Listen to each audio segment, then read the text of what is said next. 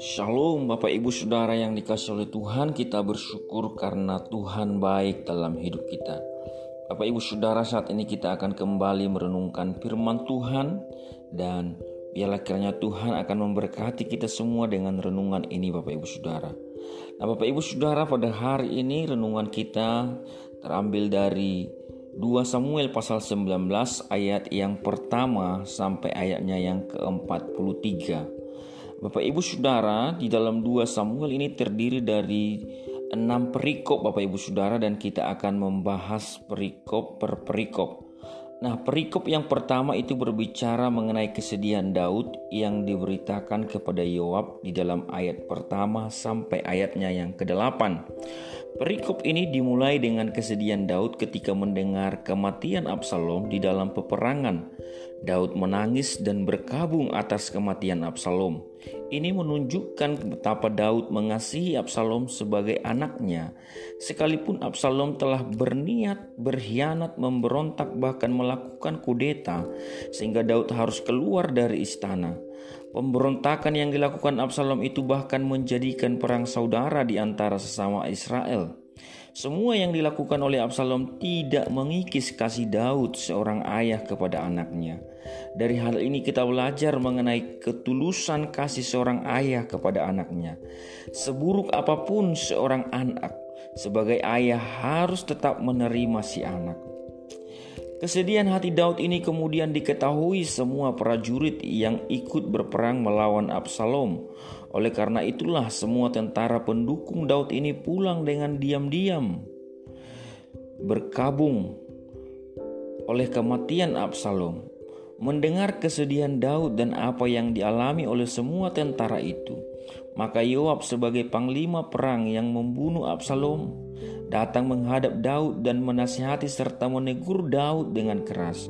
Yoab mengatakan, Yoab mengatakan bahwa Daud mempermalukan anak buahnya yang telah menyelamatkan Daud dan seluruh keturunannya dari tangan Absalom. Iwak menyuruh supaya Daud menyambut para tentara yang pulang berperang dan berbicara kepada mereka. Apa yang dilakukan Yoab ini sebenarnya sangat berani sebagai seorang panglima perang kepada raja. Namun kita juga bisa melihat apa yang menjadi respon Daud kepada Yoab. Ini adalah sebuah kerendahan hati di mana Daud mau melakukan apa yang menjadi nasihat dari anak buahnya. Tidak banyak pemimpin yang mau mendengar nasihat, masukan dari anak buahnya ataupun bawahannya. Tidak banyak juga orang tua yang mau mendengarkan masukan dari anak-anaknya. Tapi melalui hal ini kita melihat bahwa masukan dari bawahan pun perlu dipertimbangkan. Ini salah satu contoh kerendahan hati. Tentu juga Daud memperhitungkan kesetiaan Yoab kepadanya selama masa jabatannya dan masa pelariannya. Marilah kita sebagai pemimpin yang memiliki kerendahan hati dan jika sebagai bawahan menunjukkan kesetiaan dan memberi masukan-masukan yang benar kepada pemimpin kita. Perikop kedua itu berbicara mengenai pemikiran untuk membawa kembali Raja Daud ke Yerusalem. Perikop kedua ini berbicara mengenai perbantahan yang terjadi di antara orang-orang Israel mengenai Raja Daud yang rencana mereka akan membawa kembali Daud memimpin bangsa itu. Sebagian dari rakyat itu mendukung dan menerima untuk Daud kembali ke istana karena Absalom telah mati, namun sebagian lagi tidak setuju. Hal inilah yang membuat perbantahan terjadi. Sebagian besar yang setuju mengingat akan apa yang telah diperbuat oleh Daud terhadap bangsa itu, itu kemenangan-kemenangan atas bangsa-bangsa lain dan kebaikan-kebaikan Daud. Sementara yang belum setuju kemungkinan besar dikarenakan oleh karena mereka berada di pihak Absalom yang berlawanan dengan Daud. Ini adalah hal yang wajar di dalam sebuah masyarakat yang besar. Akan selalu ada yang setuju dan tidak setuju. Apa pun yang kita lakukan, seperti apa pun keputusan kita dalam memimpin, akan selalu ada dua respon ini, yaitu setuju atau tidak setuju, suka atau tidak suka. Namun, kita tidak boleh berhenti oleh respon ketidaksetujuan. Oleh karena itulah Daud dengan hikmat kebijaksanaannya menyuruh Imam Jadok dan Imam Abiatar untuk berbicara kepada tua-tua Yehuda agar membujuk seluruh rakyat itu untuk menerima Daud dan seluruh anak buahnya kembali ke istana. Hikmat dan ide Daud ini pun akhirnya berhasil.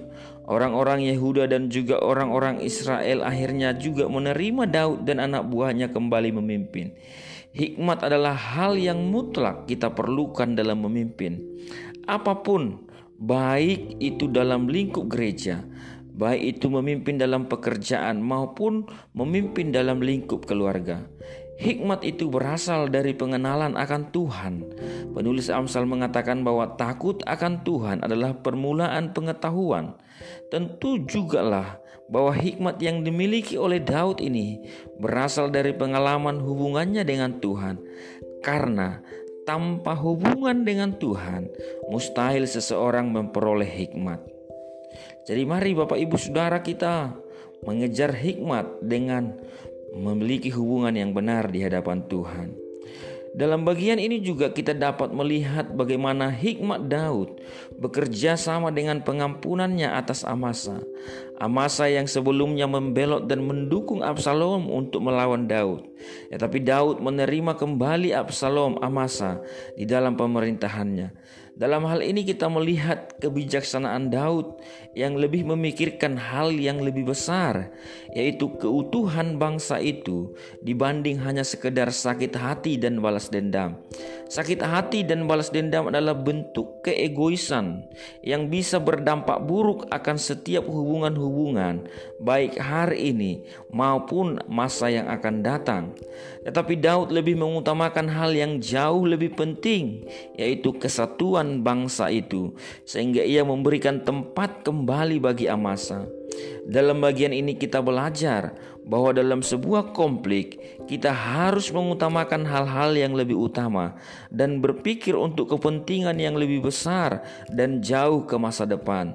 Tinggalkanlah sakit hati, tinggalkanlah dendam kita karena sakit hati dan dendam akan menghancurkan kita kembali.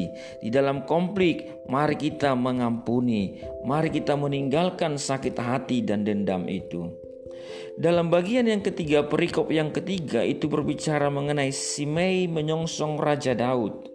Dalam bagian ini menceritakan kembalinya Raja Daud ke Yerusalem setelah semua perang saudara yang telah terjadi.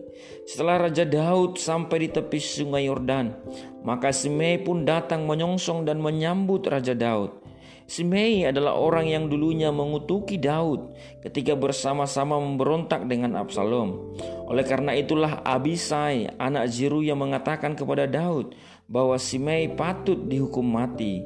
Simei datang kepada raja dan mengakui semua kesalahannya dan meminta belas kasihan dan pengampunan raja. Daud pun mengampuni Simei dan menerima kembali Simei. Hal ini kita melihat ketulusan Daud sebagai seorang pemimpin atas sebuah bangsa. Daud memberikan pengampunan kepada Simei dan tidak menghukumnya dan tidak membunuh Simei. Daud malahan bersumpah bahwa Simei tidak akan mati.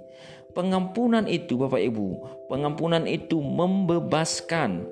Seseorang yang telah diampuni dosanya akan bebas dari rasa bersalah dan hutang dosanya. Daud membebaskan Simei dari kesalahannya dan menerimanya kembali. Pengampunan itu juga berbicara mengenai jaminan.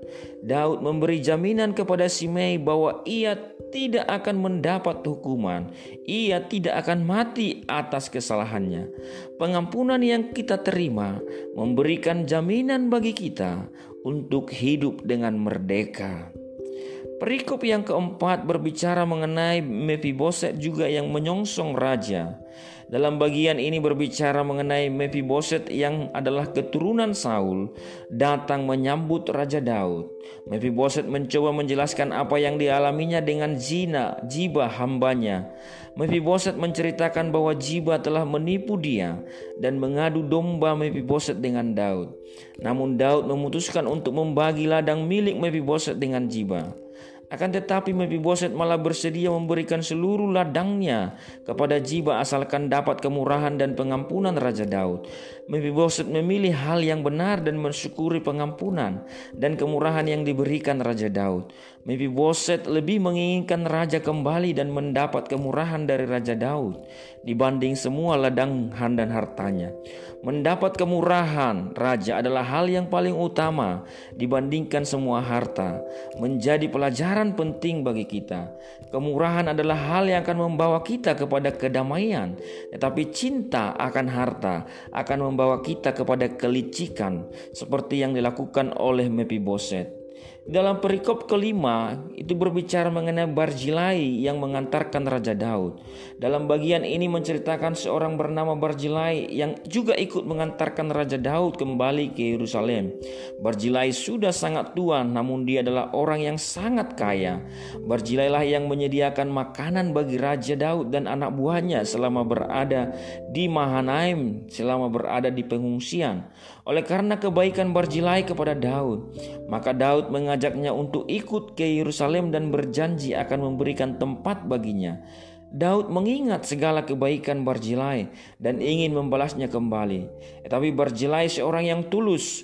Barjilai menolak permintaan Raja Daud dengan halus dan mengatakan bahwa ia belum melakukan apa-apa. Barjilai pun meminta untuk membawa hambanya Kimhan menggantikan dia ke Yerusalem bersama-sama dengan Daud. Permintaan Barjilai ini pun disanggupi oleh Raja Daud. Dalam bagian ini kita melihat sebuah ketulusan yang ditunjukkan oleh Barjilai.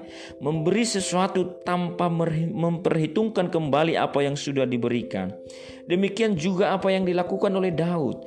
Daud mengingat segala kebaikan yang dilakukan oleh Barjilai kepadanya dan bersedia membalaskannya. Jangan juga kita melupakan kebaikan orang lain kepada kita.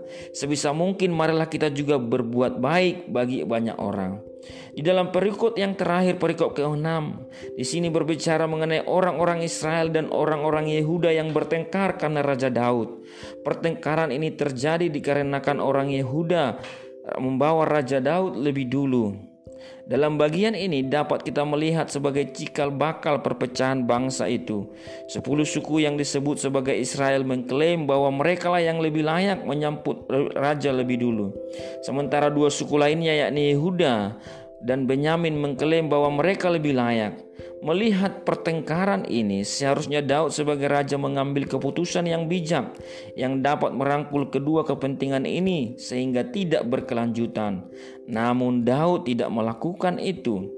Kita juga melihat keegoisan dari setiap kelompok, baik dari orang-orang Yehuda maupun dari orang-orang Israel, sehingga perselisihan itu semakin berat. Bukannya mereka mencari solusi atas masalah, tetapi dilakukan malah saling melukai dengan perkataan-perkataan yang pedas.